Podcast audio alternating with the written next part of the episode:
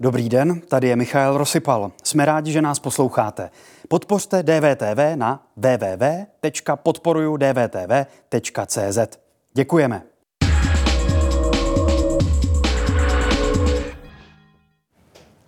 Bývalý diplomat a pracovní kanceláře prezidenta republiky Václava Havla, neúspěšný prezidentský kandidát z roku 2018 a dnes senátor. A znovu také kandidát na prezidenta. Pavel Fischer přijal pozvání do DVTV. Dobrý den. Dobrý den. Myslíte kandidaturu na nejvyšší ústavní funkci opravdu vážně, pane senátore? Ano. Úplně naprosto vážně. Proč jste vlastně kandidaturu oficiálně ohlásil až tři měsíce před volbami? Vy jste Já. si tak jistý, že to klapne podle vašeho názoru, že jste na to nepotřeboval delší čas? Já jsem ji ohlásil vlastně jako první už v roce 2018, kdy jsem říkal, že budu mít v úmyslu kandidovat. A ohlásil jsem ji teprve ve chvíli, kdy jsem měl dostatečnou podporu v Senátu. To chvíli trvalo, protože sběr podpisů mi něco zabral a vlastně se mi podařilo se sbírat nějakých 34 podpisů ze Senátu a 20 ze sněmovny. Ale chvíli mi to trvalo, takže jsem to vyhlásil až potom, když jsem to měl v ruce. Vy jste, pardon. Pardon, je to před třemi měsíci, takže stále platí to, jestli jste si byl stále tak jistý, protože sběr podpisů u svých kolegů jste mohl začít klidně dřív. Mohl jsem začít dřív, ale já jsem nezačal dřív. Já jsem pracoval jako předseda výboru a bylo to v době, kdy jsem ohlašoval kampaň a kandidaturu kdy ještě Andrej Babiš sám neřekl, zda bude kandidovat. Čili to bylo vlastně relativně včas s ohledem třeba na hlavního, ne, jednoho z hlavních favoritů.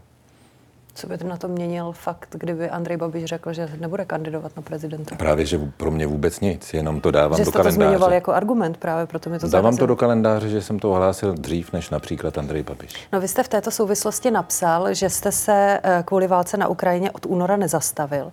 Jak potom chcete zvládnout úřad prezidenta, když jako předseda senátního výboru tedy nezvládnete řešit víc věcí najednou? To mě ještě nikdo nepoložil, to je zajímavá otázka.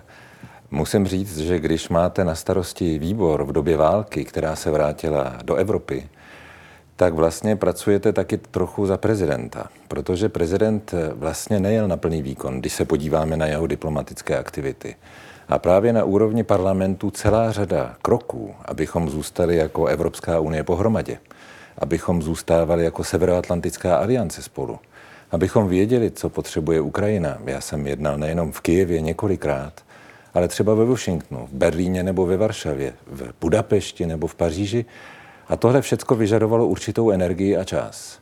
A mně přišlo nefér, kdybych tou dobou vlastně nechal funkci stranou předsedy výboru a vlastně dělal kampaň, proto jsem s tím počkal.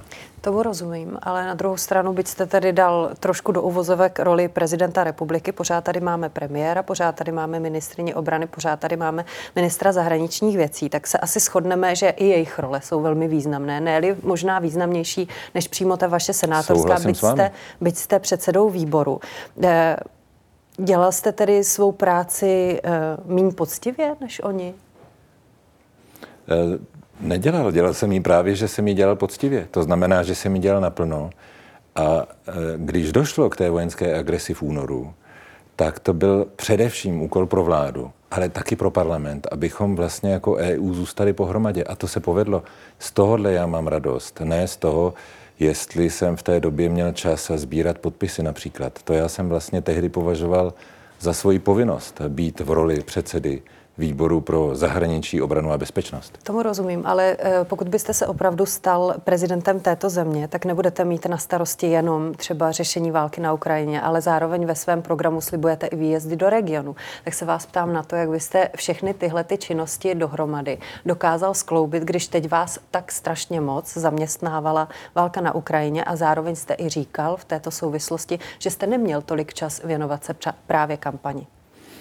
Podívejte se, věnovat se kampani, to je eh, práce skoro na plný úvazek. Ale kampaň jednou skončí a máte čas na výkon funkce. Já jsem u Václava Havla začínal v roce 95 a čtyři roky jsem u něj dělal eh, jeho šéfa politického odboru. A tam musíte dělat všecko. Domácí politiku, zahraniční politiku, evropskou politiku, bezpečnostní politiku, obranou politiku a kontakt eh, se samozprávou.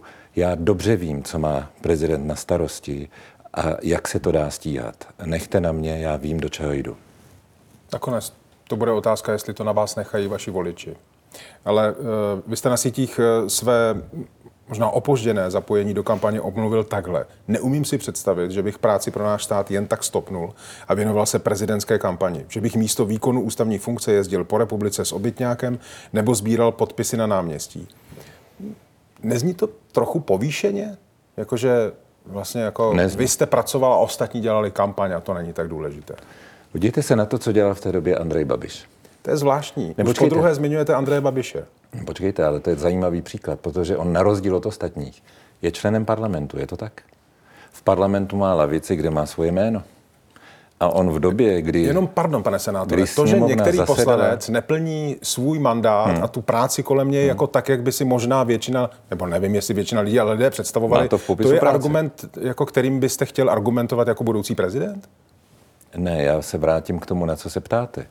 Já jsem na rozdíl od Andreje Babiše, který patřil k absentérům během léta a objížděl s obytňákem, tak já mám velmi vysokou účast na jednání v Senátu a také jsem byl velmi aktivní právě v otázkách obrany a bezpečnosti a zahraniční politiky. Tohle jsem měl na mysli. Neobjížděl já vím, ale jsem já, v té já době. mám vlastně celou dobu na mysli, nebo máme na mysli to, co vychází z té první otázky. Jak vážně myslíte svoji kandidaturu? Protože k té kandidatuře, pokud to myslíte vážně, prostě ta kampaň patří.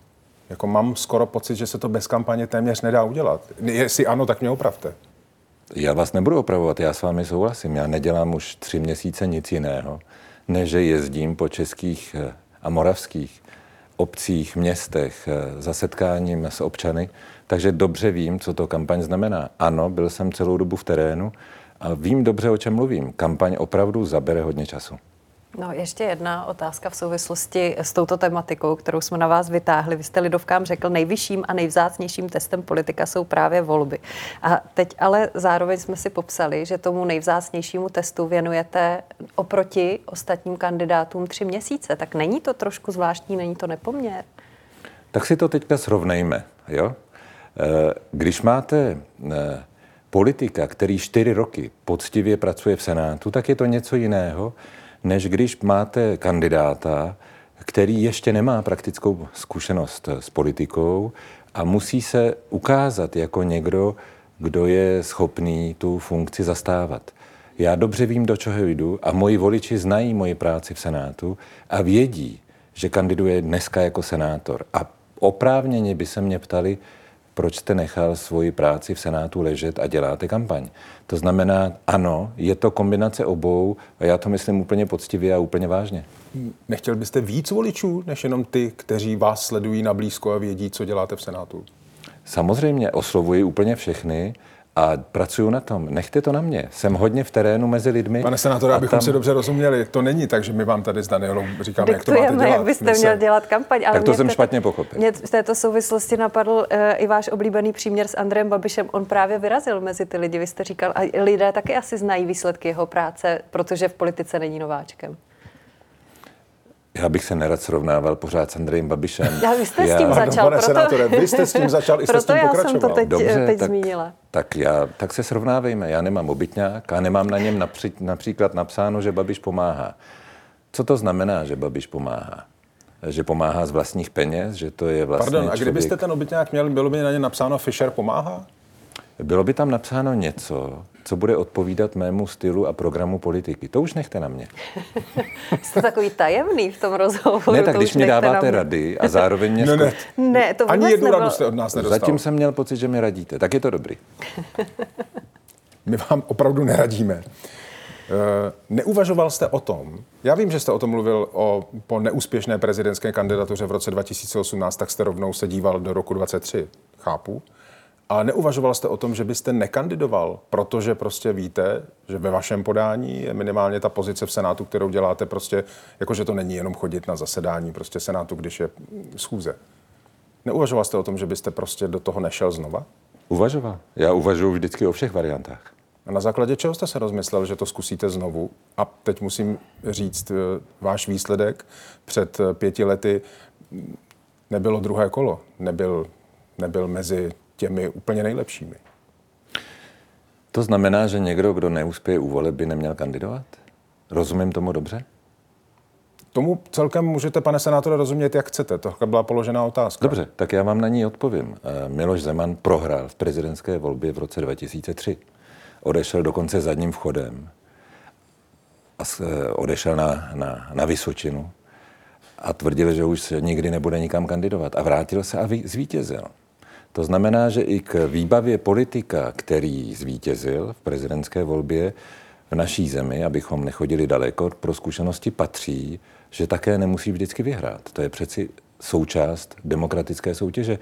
A k dráze politika vždycky patří nejenom výhry, ale i prohry, nejenom úspěchy, ale i neúspěchy. To je přeci součást toho řemesla. Nutno podotknout, že tehdy se volilo ještě trošku jiným způsobem, že ten hlas nebyl na samotných občanech České republiky. To je pravda. Jenom, jenom, pardon, jenom malá poznámka. Ehm, dobře, myslíte to vážně, tak jak jste už několikrát říkal? A jak velkou víru v to, že to dopadne dobře, máte? Když se dívám na poslední median, který sbíral data na konci roku, tak ten vám dává něco, tuším, přes 4%. Já se dívám do těch eh, výzkumů a zároveň mě zajímá, kolik je voličů nerozhodnutých. A to je docela vysoké číslo. To je první parametr, který zkoumáme. Druhý parametr, který je stojí za pozornost, je, jak eh, věrní jsou voliči u těch favoritů. A vidíme, že třeba u Andreje Babiše je to jádro velmi pevné, ale u těch ostatních vlastně ti voliči pořád ještě trochu váhají. To znamená, jsme uprostřed soutěže a nemůžeme, já beru vážně ta čísla, nejsou to astronomická, ale podívejte se na minulou, na minulou volbu. Před pěti lety já jsem měl taky mizivá procenta a vyskočilo to na deset. Nechme se překvapit, ještě tam nejsme, probíhají teďka ty prezidentské debaty, a v nich se také může ještě leco změnit. V minulých volbách favoriti najednou zmizeli. Eh, byli poraženi těmi, kteří favority nebyli. Já bych si nechal ještě eh, tu soutěž jako otevřenou, férovou a svobodnou. Vy jste kandidaturu opřel o podpisy zákonodárců, jen v Senátu jich byly přes eh, tři desítky, sám jste zmiňoval to číslo, většinou ze stran tedy ze stran a klubu vládní koalice. Můžeme vás tedy chápat jako vládního kandidáta? Vláda mě podpořila, vládní koalice, a já to beru jako důležité, ale neberu se jako jenom eh, vládní kandidát. Eh, já stojím i o hlasy těch ostatních, nejenom vládních voličů. No a eh, stejně jako jim, asi pravděpodobně těm, kteří vás podpořili, imponuje to, co vy děláte. Tak vy děláte nebo vy děláte? Vy děláte. děláte. Promiňte, teď tak, mě uh, to zaujalo. Ne, klidně doplňujte, aby, aby to bylo pochopitelné úplně pro všechny. Uh, tak uh, je ten vztah reciproční, že i vám jsou jejich postoje a názory blízké, těch lidí, kteří vás podpořili? Teď mluvíte o vládní koalici? Ano. Stále jsme u toho, zda jste vládním kandidátem, či... Já snad ne, neprozradím nic tajného, když řeknu, že z těch pěti stran vládní koalice jsem některé skutečně volil. Já jsem jejich voličem. Takže já k některým z těch eh, politických eh, osobností nebo, nebo, nebo politických stran mám blízko i jako volič. To znamená, ano, byl jsem jejich voličem a vážím si dneska jejich podpory. A když se na to podíváme z druhé strany, tak udělala třeba v průběhu řešení krize kolem Ukrajiny Fialová vláda, ta pětikoaliční, něco, vůči čemu byste měl potřebu, případně jako prezident, se prostě vymezit? Vůči eh, vládě z hlediska toho, jak eh, nakládala s tou eh, situací okolo krize mm, na Ukrajině, já mám za to, že vláda splnila svoji roli na výbornou. A to nemluvím jenom o ministru zahraničí, mluvím o, i o ministrině obrany, mluvím o premiérovi a dokonce by stálo za to zmínit i ministra průmyslu a obchodu, eh, který třeba na evropské úrovni byl velmi aktivní. Když se podíváme na obrané kroky, které vláda dělala směrem dovnitř, tak tady je potřeba zmínit třeba i ministra financí, který pomáhal zmrazit ruský majetek, ruských aktérů, eh, ruských osob, právnických i fyzických na našem území a podobně. Vláda v případě krize na Ukrajině skutečně dělala eh, svoji práci a byla na svém místě. Měla k tomu naši podporu i ze Senátu. Existuje vůbec něco, co byste v tom roce a kus existence Fialovy vlády a teď znovu, jako případný prezident měl potřebu vlastně veřejně glosovat nebo se od toho opravdu distancovat a říct, jako takhle bych to já neudělal? Určitě takové věci existují. Vy jste se ptal na Ukrajinu, tak já zmíním ano. jiné téma, jestli můžu. No ano. A to je třeba otázka mm, zavádění to, té windfall tax. Tam mám pocit, že vláda nejenom, že to neměla připravené, ale prosadila to poslaneckým návrhem způsobem, který nebyl z hlediska legislativního procesu fair a který nebyl srozumitelný těm, na které dopadal. E, nebo v okamžiku, kdy se jednalo o pomoc občanům, tak vláda ji pojala jako plošnou ale měla v tu chvíli dělat hlavně adresnou pomoc. Tak tady jsou věci, které já bych třeba kritizoval. Hmm.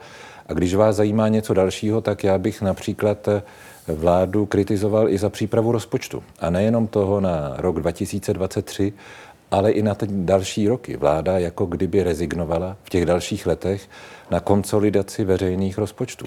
A přitom vyrovnané rozpočty v naší zemi eh, které prosazovala ODS v 90. letech, patřily vlastně k dobrému způsobu eh, zvládání té, té hospodářské politiky. Tady mám pocit, že nám vláda například do budoucna eh, ještě dluží, jakým způsobem chce zvládnout ten velký strukturální deficit a za to bych ji jako prezident například kritizoval. Nevnímáte vzhledem k tomu, jakou, jaké podpoře se těší a nebo netěší Fialová vláda u společnosti, nevnímáte tu její podporu spíš jako polibek smrti? Já mám za to, že vláda Petra Fialy v těch nejdůležitějších věcech, teď jsem zmínil některé, které zaslouží kritiku a zlepšení, eh, si vede dobře. A že jako prezident bych věděl, eh, jaký v té práci pomoci, například jí říci, podívejte se na vaše Nepardon, programové... To není odpověď na moji otázku. Jestli to náhodou já mám není na ní, smrti. Já vám hnedka na ní odpovím. Podívejte se na svoje programové prohlášení, je tam celá řada skvělých věcí, které jste odložili kvůli krizi, teď je potřeba se k ním vrátit. Ale jako polibek smrti to rozhodně nevidím. Je to podpora politická, které si vážím a dobře vím, že ve své kampani a kandidatuře také oslovuji ty, pro které vláda Petra Fialy třeba není tak přijatelná jako třeba pro mě. Hostem předvolebního rozhovoru DVTV je Pavel Fischer.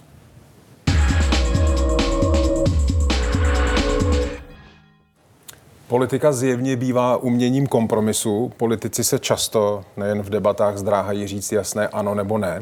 V následujícím rozhovoru ale všem kandidátům i vám, pane senátore, podstatě nezbyde nic jiného. Ano, my vám teď, pane Fischere, položíme společně s Martinem 15 otázek a opravdu bychom vás poprosili, abyste velmi stručně na to reagoval ano nebo ne. A na konci tady té série otázek se samozřejmě můžete k jedné z těch eh, dotazovaných věcí vyjádřit obšírněji. Nemyslím tím na půlhodinovou přednášku, ale třeba dejme tomu v pár větách to můžete rozvést. Tak začínáme.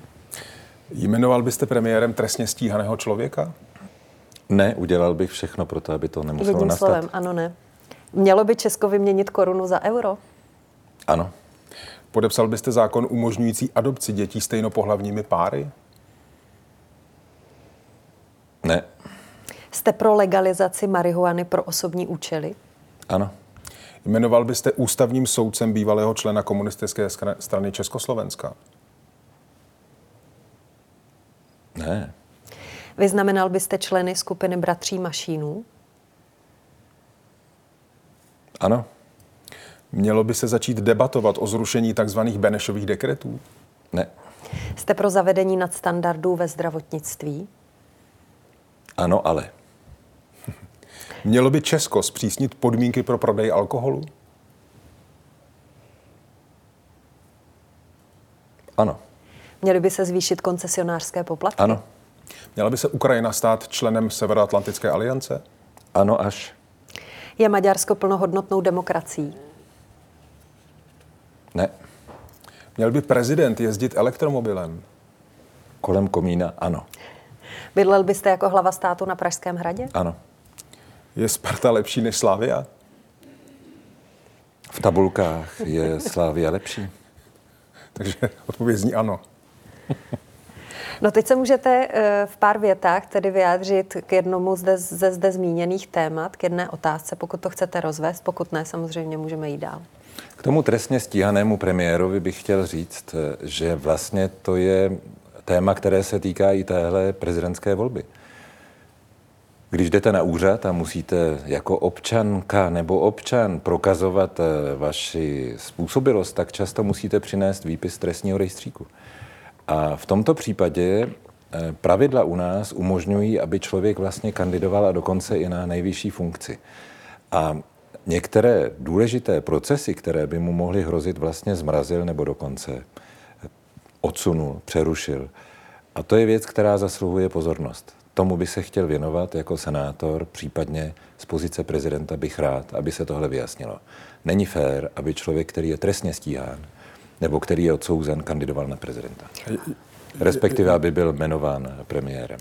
Rozumím. Na druhou stranu, dokud je trestně stíhán, je formálně nevinný. Ale otázka politické kultury znamená, že by měl sám se postavit stranou a říct, že očistí svoje jméno před nezávislým Ale soudem. Jak byste jako prezident, byste říkal, že byste se zasadil o to, aby se to vyjasnilo? To znamená, co byste udělal? Například bych dbal na to, aby se právě politická kultura v naší zemi posunula tímto směrem a abychom se podívali na některá, některé předpisy, které s tím mohou souviset. Hostem volebního rozhovoru DVTV je senátor Pavel Fischer.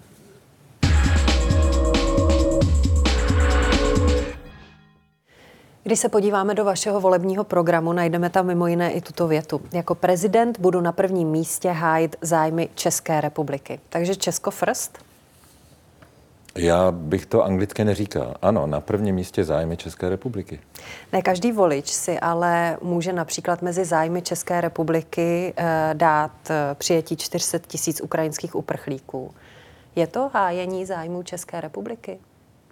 No, já bych to přeformuloval. Když jste diplomat, a já jsem v diplomatické službě mnoho let působil, tak máte v popisu práce mít zájmy České republiky na prvním místě. A ty zájmy se generují vždycky na základě společenského koncenzu, respektive politické debaty. A jako prezident máte v popisu práce zastupovat republiku na venek. To znamená, máte zastupovat zájmy České republiky na venek na základě společenského koncenzu a politické, eh, politického dialogu. Tohle je v popisu práce. Já jsem to tam dal proto do Rozumím toho... popisu práce, ale stále jste mi neodpověděl na otázku, kterou jsem vám položila. To znamená, přijetí 400 tisíc eh, uprchlíků z Ukrajiny je hájení zájmu České republiky. Ano, protože to jsou lidé na útěku. Česká republika je signatářem významných konvencí o ochraně uprchlíků, na které se vztahuje mezinárodní ochrana a ti lidé hledali naši pomoc a byli vlastně oprávněni žádat na našem území mezinárodní ochranu a my jsme jim ji poskytli. Čili to je v souladu se zájmy České republiky pomoc poskytnout a vlastně, když eh, je možné, tak jim umožnit eh, například návrat nebo zapojení u nás do společnosti. To se přesně stalo. Pojďme se ale podívat trošku víc do budoucnosti. Jak dlouho je, to může být zájmem eh, České republiky? Jak dlouho by válka nebo naše podpora Kijevu musela trvat, abyste řekl, pozor, teď už nejde o hájení zájmu České republiky, ale teď už jsme v trošku jiném bodě, v trošku jiné situaci. V zájmu České republiky je, aby válka skončila co nejdřív a aby skončila v souladu s mezinárodním právem. To znamená, že se ruské jednotky stahnou z území suverénního státu Ukrajina. Pane Fischere, jak se toho dociluje? No, nechte mě dokončit teďka myšlenku. To znamená, v našem zájmu je, aby Ukrajina dosáhla své suverenity, osvobodila své území. A je potřeba jí v tom pomoci. Je to totiž i v zájmu bezpečnosti občanů České republiky. V případě, že by zvítězil agresor, tak eh, můžeme mít další na řadě, protože Rusko okupuje už dneska Gruzii, eh, zabralo Ukrajinu a chystalo se na další státy. Tohle je opravdu věc, která se týká nejenom České republiky, nejenom evropského kontinentu, ale vlastně celého systému OSN. A je v českém zájmu, aby systém OSN začal fungovat. Aby ti, kteří porušují chartu OSN, například válečnou agresí, mám Pardon. na mysli Vladimíra Putina, aby byli v souladu s mezinárodním právem postaveni před nezávislý soud. Tak to pojďme soud. ještě trošku otočit. Je v zájmu Ukrajiny eh, ekonomicky oslabené Česko, potažmo Evropská unie? Kam to všechno směřuje, celá Není. tahle ta situace? Není, tak teď odpovím na vaši otázku a lépe ji rozumím. Vy jste se mě ptala na ten mezinárodní systém. Teď se podíváme na ekonomický výkon. Eh, vidíme, že Ukrajina má potíže, eh, například vybírat daně. Je to země pod palbou doslova a bez pomoci zvenčí se vlastně neobejde. To znamená, že v rámci EU jí musíme dneska poskytovat No ono to všechno pomoc. souvisí se A vším souvisí totiž. to s tím, že Jak dlouho tedy by Česká republika měla mít tuto ochranou ruku právě nad Ukrajinou?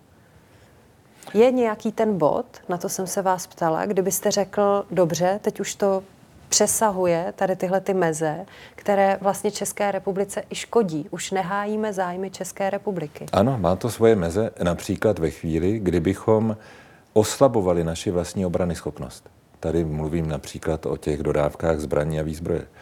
Nebo kdybychom eh, vlastně podvazovali naši schopnost hospodářskou eh, v téhle době prosperovat a poskytovat pomoc občanům České republiky na prvním místě a těm běžencům, kteří jsou tady. Tady je potřeba hledat eh, velmi citlivě hranice našich možností, protože naše zdroje nejsou neomezené. To je pravda.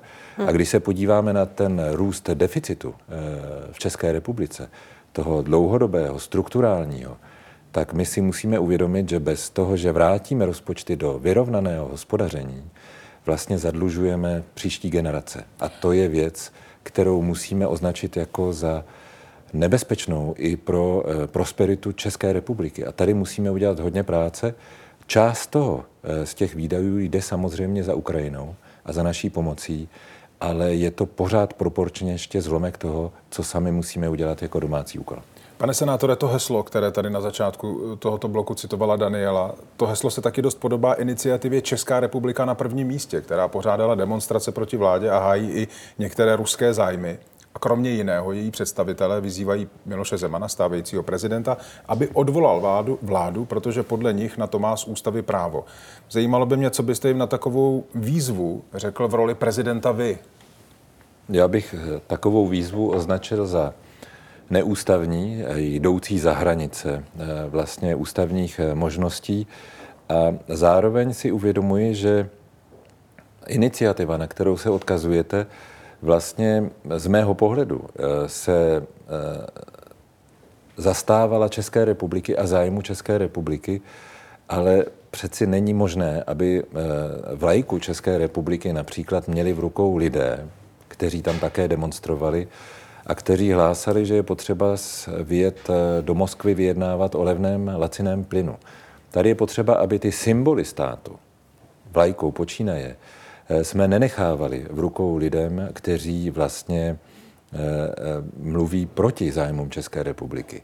Protože pardon, jednat... Dokázal byste s těmi, s těmi lidmi špatně se mi to rozděluje, kdo přesně byl kdo. Na té jedné demonstraci na začátku září tam bylo několik desítek tisíc lidí na Václavském náměstí v Praze.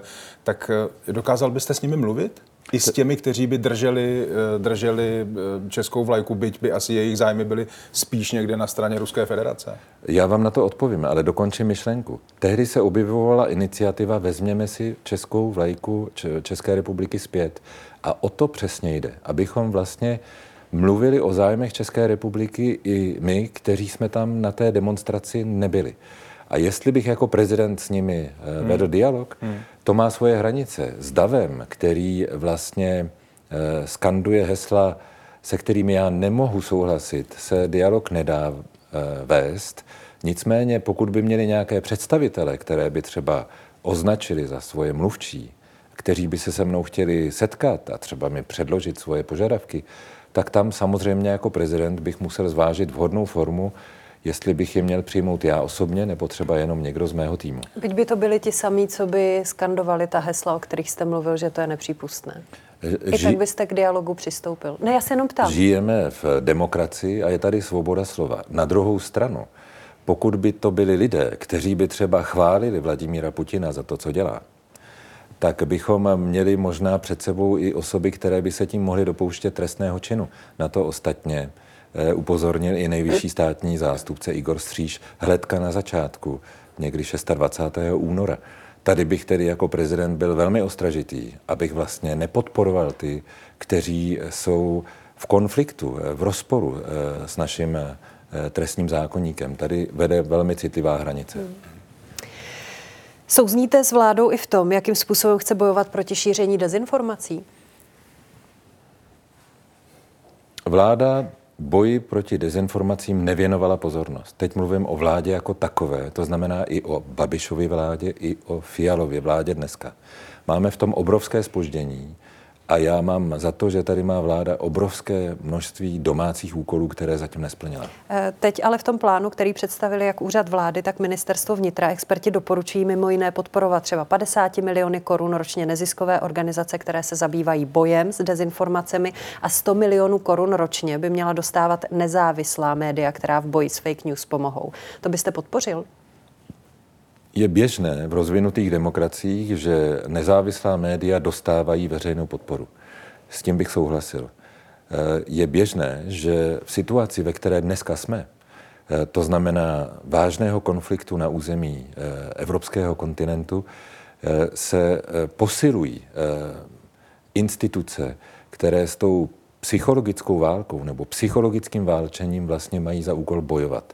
Jestli to vláda udělá cestou nezisku nebo na to vybuduje zvláštní autoritu, to já nevím. Podpořil byste to nebo? Ale já bych podpořil každý krok, který pomůže vlastně eh, pronikání dezinformací.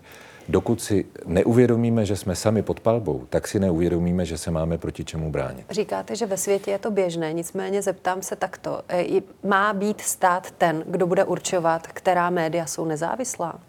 To není, eh, máte pravdu, to, tady je vlastně velmi citlivá hranice mezi tou psychologickou válkou, které se musíme bránit na jedné straně, a svobodou slova a pluralitou, kterou musíme chránit u nás. A je opravdu eh, odpovědností vlády a politické reprezentace, aby nezačala do toho vstupovat necitlivě. Já chápu vaši otázku a ta hranice je velmi jemná. Já jsem se s tím plánem vlády s prominutím ještě nezabýval. Hmm. Mě bude zajímat ty detaily, co nám k tomu vláda řekne. Je to pro mě, jako pro senátora, příliš čerstvá věc. Vy jste, pane senátore, před pěti lety v rozhovoru pro server Aktuálně CZ eh, přiznal, že v některých věcech nejste liberál, ale, a to je přesná citace, strašně tvrdá konzerva. To stále platí? Já konzervy rád otvírám, tak jdeme na to. Já si připadám docela otevřený.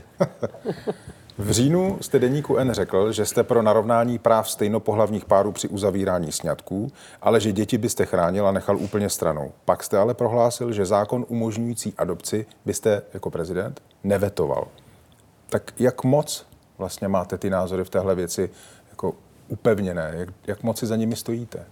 Když se podíváte na ten rozhovor, co citujete, tak ten se věnoval obecně právům všech zranitelných. Hmm. Nejenom LGBTQ komunity, kterou e, zmiňujete, ale také právům dětí, který dostávají dneska e, v, v manželství, která se rozpadla, nebo u rodičů, kteří se rozvedli, e, prochází velmi těžkou zkouškou a vlastně já mám za to, že to je téma, kterému se musíme věnovat. Pro mě je tohleto pohled, který je velmi důležitý, bez ohledu na to, jak budou uspořádány ty svazky. Já jsem v tom rozhovoru, jak připomínáte, eh, se vyslovil proto, aby eh, stejnopohlavní svazky měly podobná práva nebo měla, měly vyrovnané práva eh, s těmi, co žijí v manželství, ale já bych tomu manželství neříkal. Důvod? Hm, vychází to z mého osobního přesvědčení. Ono by to totiž bylo tak vážným, vážnou změnou, že bychom o ní museli vést eh, poctivou, dlouhou debatu a možná, že by to bylo i téma pro referendum. Protože... Máte pocit, eh, pane senátore, že zrovna o tomhle už nevedeme mnoho let dlouhou debatu? Minimálně od přijetí eh, zákona o registrovaném partnerství se tahle debata vede. Tak vy ve vaší redakci to určitě vedete, ale podívejte se například do parlamentu, tam ten zákon vlastně ještě nebyl schválen. To znamená, je tam předložen, hmm. ale ještě, se, ještě nebyl schválen.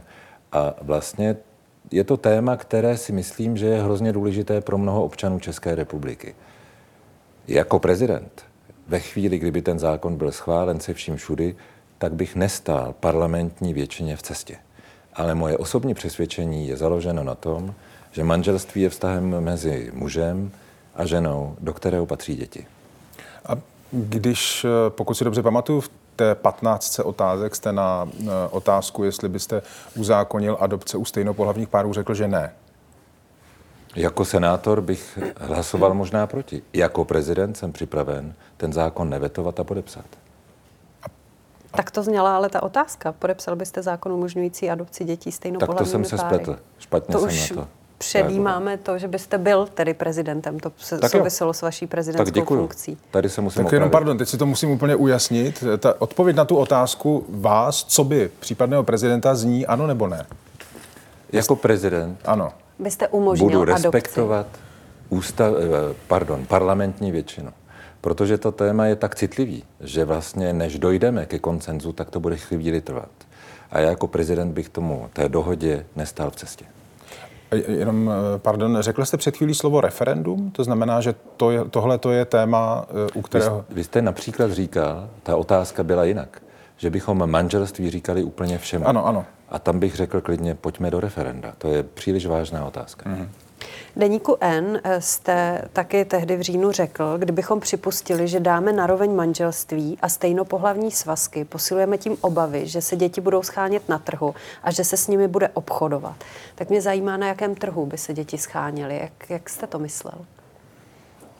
Já jsem odpovídal v době, eh, kdy krátce předtím byla zveřejněna kauza serverem, mám pocit, že to byly novinky, nevím, která mluvila o obchodování s dětmi eh, i na našem území pro manžele, kteří hledali způsob, jak získat dítě, protože sami byli vlastně bezdětní. A mě ta kauza vlastně tak zasáhla, že jsem ji tady zmínil. Ale to se týká všech, to se netýká jenom stejnopohlavních párů.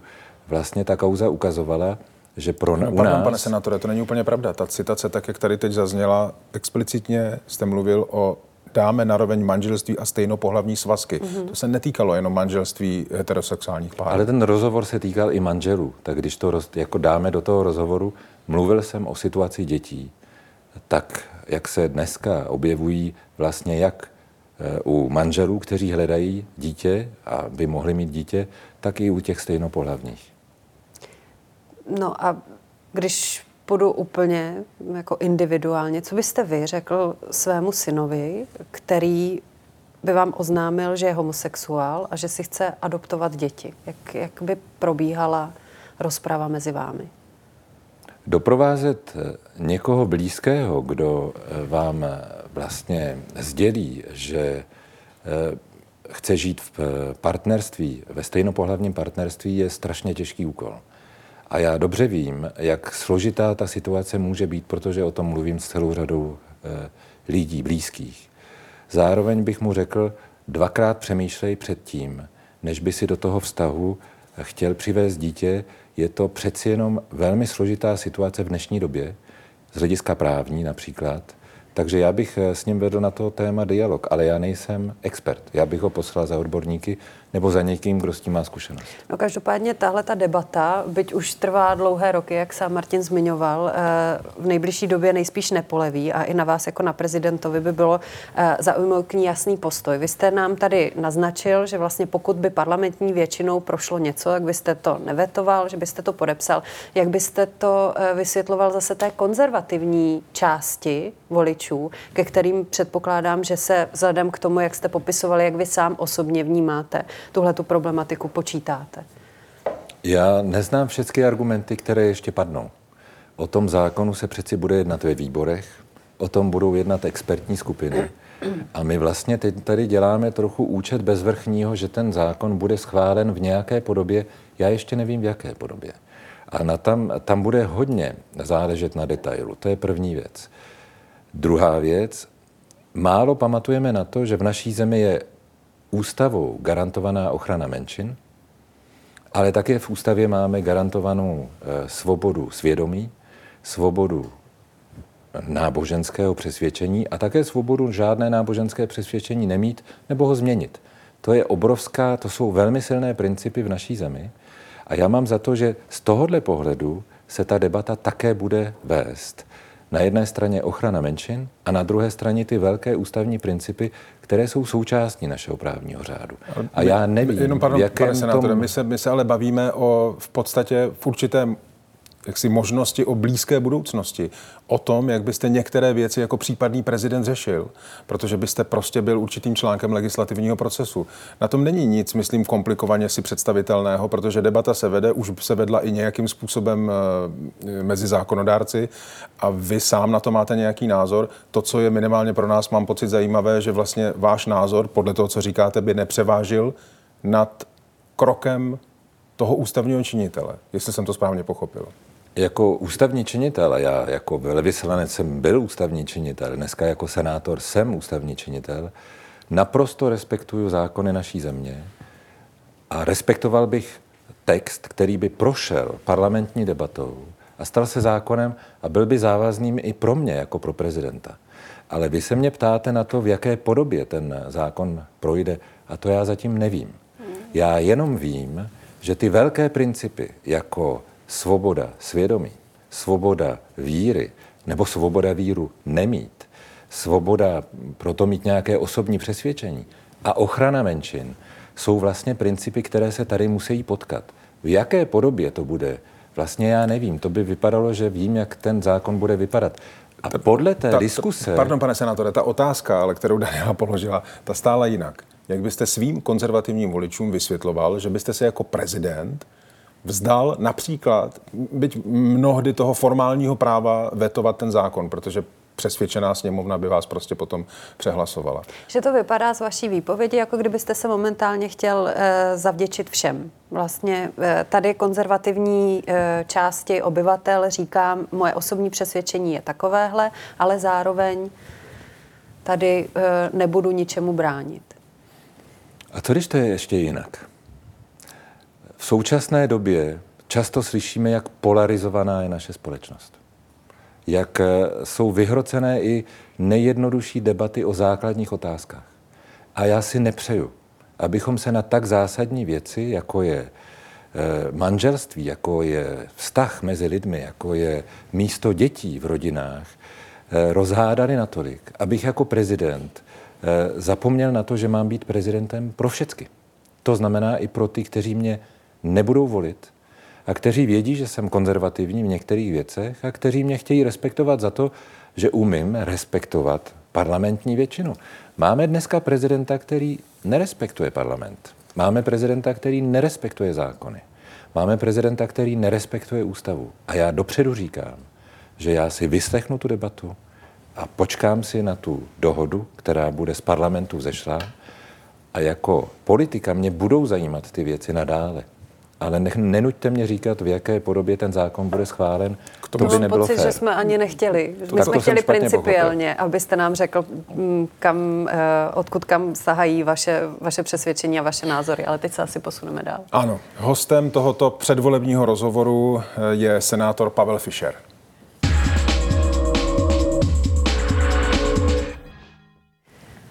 Pane senátore, tomu, co bude následovat, jsme dali pracovní název Potítko. Na každého z našich hostů teď čekají tři otázky, které se týkají prezidentských pravomocí nebo třeba i reálí. My si myslíme, že člověk se zájmem o post hlavy státu by se měl orientovat tady v těchto těch eh, věcech, ale záleží samozřejmě na divácích, zda to pro ně je nebo není podstatné. V téhle krabičce jsou sady, už jich tam moc není, protože už jsme točili to s více vašimi protikandidáty. Jsou tam sady tří otázek. Eh, prosím si jednu vylosujte. Jeden papírek, který potom odevzdáte mně.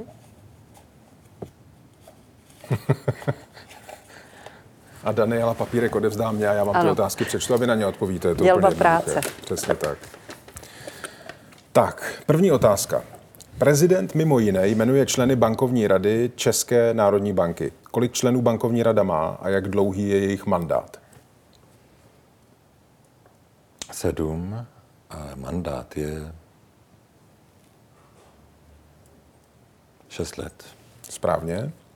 Jak se jmenuje orgán, který združuje nejvyšší představitele členských států Evropské unie, včetně prezidentů a premiérů, a kdo v současnosti stojí v jeho čele?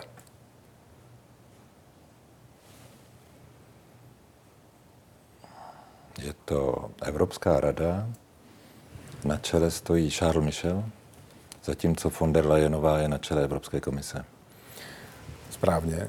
Při jaké příležitosti nechal Karel IV. zhotovit svatováclavskou korunu, která je součástí českých korunovačních klenotů a jaké další hlavní artefakty klenoty tvoří?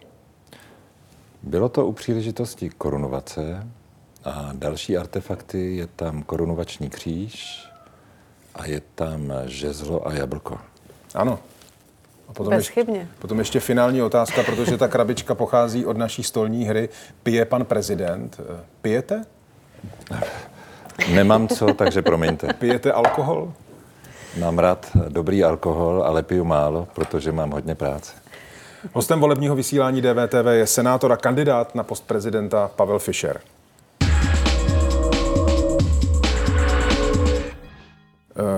Koalice spolu, pane senátore, jmenovala jako kandidáta, který splňuje nároky na úřad prezidenta, kromě vás, i Danuši Nerudovou a Petra Pavla. Jste s tím v pohodě? Že to nebylo mířeno jenom na jednoho člověka, ale že jste jmenováni všichni tři? Já respektuju vůli koalice Já vím, spolu. co s tím můžete dělat, ale zajímá mě, jestli se vás to nějakým způsobem jako nedotýká, prostě, jestli jste jako... Nedotýká, já si toho vážím, té podpory a také dobře vím, že vedle té politické podpory jsem nic dalšího nedostal. Například příspěvek na kampaň jsem z toho žádný neměl. Čili je to politická podpora, je to politická podpora pro tři kandidáty a jako takovou ji beru. Třeba o generálu Pavlovi vy sám mluvíte jako o někom, kde se, co by, o někom, kdo se, co by bývalý komunista vložil do služeb minulého režimu.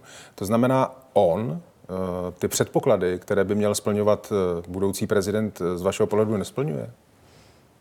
30 let od roku 89 by České republice slušelo, aby prezidentem byl někdo, kdo si nedada, nezadal s režimem. Já to beru jako handicap, který mu nevadil v okamžiku, kdy byl ve vojenských funkcích, ale chceli kandidovat, tak je to věc, o které je potřeba mluvit. Já to beru jako handicap. On o nich mluví. Já to beru jako handicap. O Danuši Nerudové říkáte, že nemá zkušenosti s politikou. Je to nezbytně nutné pro pozici prezidenta mít zkušenosti s politikou? Ano. Když má někdo za sebou jedno období rektora nebo rektorky na univerzitě, nebo když má někdo za sebou práci v komisi pro důchody, tak takových komisí já jsem viděl za svůj profesní život a seděl jsem v nich stovky to není kvalifikace. Čili nedostatek zkušeností je pro mě důležitý, protože role prezidenta to je role politická par excellence. A tam je potřeba, aby ušel někdo, kdo má, kdo zná to řemeslo. Například v zahraniční politice, kdo se vyzná v obraných otázkách, nebo kdo má konkrétní zkušenost s no to vy přímo nahráváte na další otázku. Bývalý herec uh, Volodymyr Zelenský, ukrajinský prezident, je podle vás špatný prezident tím, že má absenci předchozích politických zkušeností? Je to skvělý prezident pro Ukrajinu v dnešní době a je to Ale mimořádně... bez předchozích politických zkušeností. Tak já mám za to, že herci mohou být skvělými prezidenty. Ronald Reagan byl taky skvělý prezident. Moc se omlouvám, to není úplně korektní příklad. Ronald Reagan mezi svojí hereckou kariérou a prezidentským mandátem měl kolik? 30 let práce pro filmové odbory a čistou politickou práci. Dobře, tak to byl špatný příklad. Volodymyr Zelenský je skvělý prezident. Tečka. Je to tedy potřeba, aby měl předchozí nějaké politické zkušenosti, nebo ne? Nebo vlastně záleží kus od kusu, jakým způsobem se s tou profesí vůbec nebo s tím postem vypořádáte? Záleží na tom, jak se s tím vypořádáte a co máte také za sebou. A já proto to beru jako určitý nedostatek. Nedostatek politické zkušenosti beru jako nedostatek. Váš protikandidát a senátor Marek Hilšer tvrdí, že velké peníze kazí politiku. Jak vy sám vůbec přistupujete k darům, které se vám eh, sčítají na transparentním účtu? Je to pro vás osobní závazek? Jak nad nimi přemýšlíte? Co říkáte lidem, kteří vám třeba tyhle ty peníze pošlou? V Senátu působím jako nezávislý, nezařazený.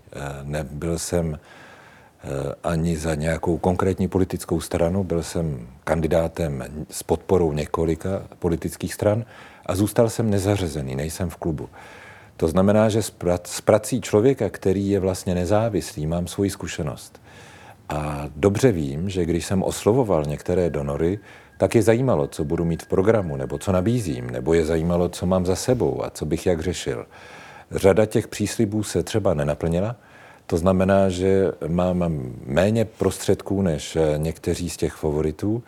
A zároveň jsem si připravil mechanismus, abych věděl, kdyby mě například poslala nějaký finanční dár na kampaň společnost, která nemá úplně jasnou strukturu, třeba z nějakého daňového ráje, za kterou by mohly stát například eh, eh, peníze nepřátelské České republice, tak jsem eh, se připravil na to, abych se takovým penězům uměl bránit a mohl je také vracet. Mm. To byl můj základní parametr.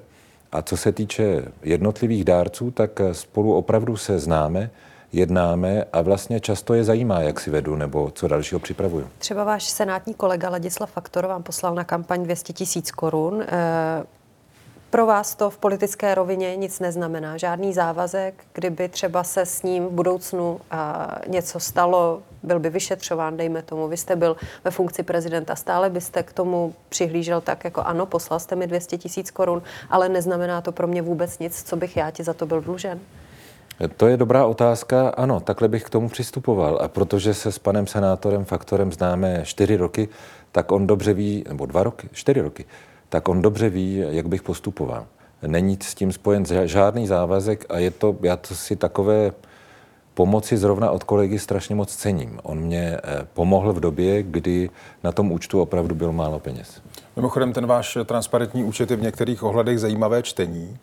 Eh, je tam vidět jméno Maximilian Albert Matolín, 19-letý atlet a student prvního ročníku vysoké školy, vám poslal dokonce 300 tisíc korun. 19-letý student. Vy se znáte? My se známe s jeho rodinou snad už 100 let eh, přes hraběnku Dahalskou, takže vlastně naše rodiny se znají a vlastně já dobře vím, od koho jsem ten dar dostal. Takže ano, známe se. Hmm. Moje první myšlenka, než jsem si, jak si o tom něco našel dál, říkal jsem si, 19-letý student dává do politické kampaně 300 tisíc. To není úplně obvyklá věc. V žádném jiném transparentním účtu jsem to neviděl. Eh, víte, když znáte rodinu, Maxe, jak mu říkáme, tak víte, od koho ty peníze přicházejí. To jsou lidé, kterým já důvěřuji a které znám opravdu od jak živa. Nenuďte mě teďka vysvětlovat další. Já si myslím, že je dobře, že vás to zaujalo, ale my se opravdu jako rodiny známe od nepaměti. Eh, pane senátore, už víte, kdo by vám, eh, pokud byste se stal prezidentem České republiky, vedl kancelář? Já jsem na hradě pracoval s několika kancléři a nikdy tam nebyl takový cirkus jako dneska. To znamená, já hledám člověka, který bude profesně zdatný, bude mít bezpečnostní prověrku a bude vlastně proto způsobilý. Nebude trestně stíhaný.